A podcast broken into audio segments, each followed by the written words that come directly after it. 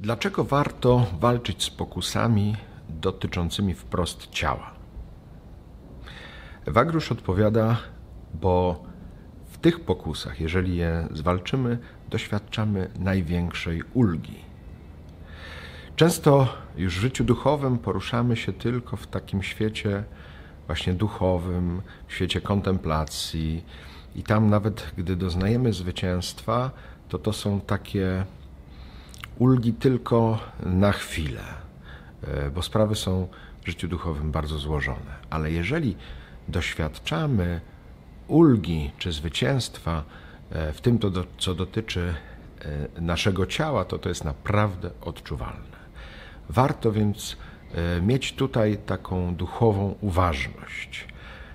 Pamiętać o tym, że nie jesteśmy tylko duchowi, ale też jesteśmy cieleśni i potrzebujemy tego zwycięstwa z pokusami też w ciele i potrzebujemy doświadczyć tej ulgi z tego płynącej, żebyśmy też poczuli, że to, co robimy, ta droga e, walki duchowej ma sens.